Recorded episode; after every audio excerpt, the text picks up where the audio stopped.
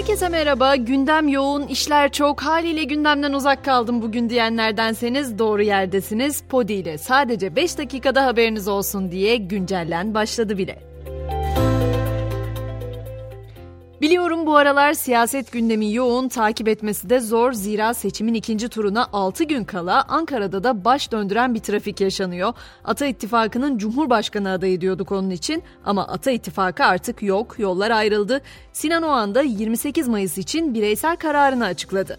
Millet İttifakı bizi ikna edememiştir diyen Oğan Erdoğan'ı destekleyeceğini duyurdu. Bu açıklama sosyal medyada da anında gündem oldu ve Sinan Oğan Cumhur İttifakı'na destek çağrısı sonrası birkaç dakika içinde 5000'den fazla takipçi kaybetti. Öte yandan Sinan Oğan'ın bu açıklamaları sonrası Ata İttifakı'nın eski ortaklarından Zafer Partisi lideri Ümit Özdağ da bir açıklama yayımladı.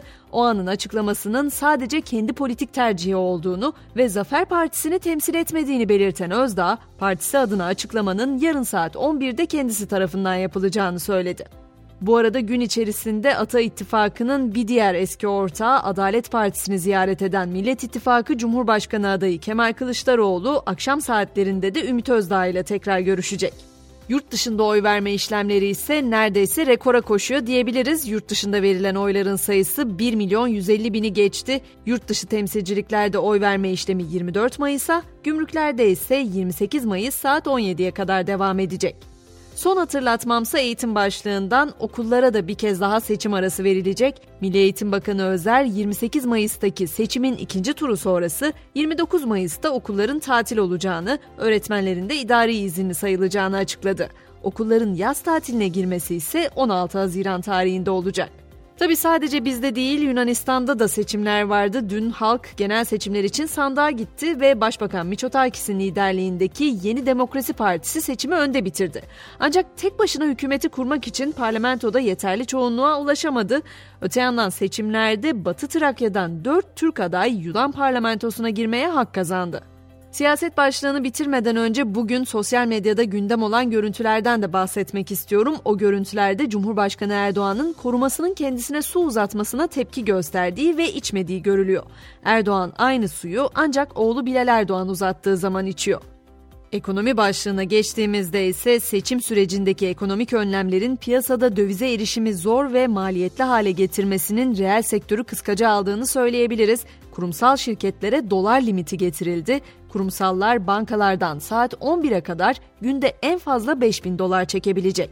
Hemen piyasalardaki son duruma da şöyle bir göz atalım. Mevduat faizleri son 20 yılda ilk defa %30'un üzerine çıkarken dolar TL'de de yukarı yönlü ivme yeni haftanın ilk işlem gününde de devam etti.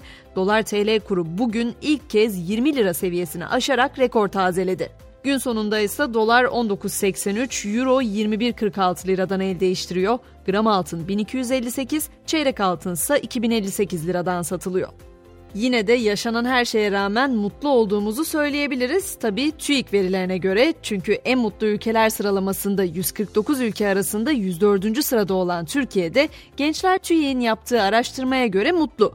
2022 yılında 18 ve daha yukarı yaştaki bireylerden kendini mutlu hissettiğini belirtenlerin oranı %49,7.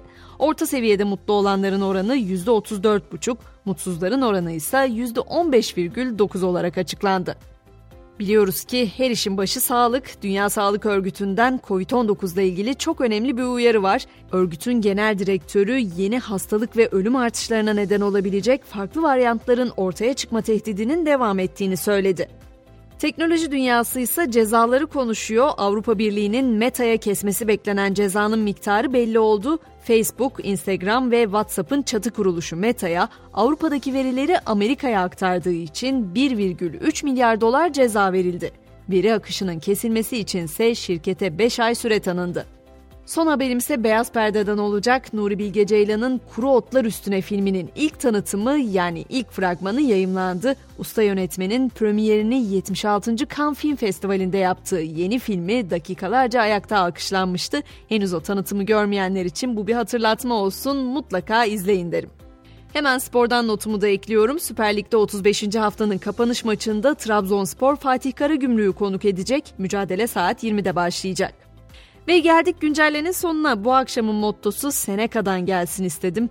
Gerçekten sizi rahatsız eden şeylerden kaçmak istiyorsanız ihtiyacınız olan şey farklı bir yerde olmak değil, farklı biri olmaktır diyor Romalı düşünür ve devlet adamı.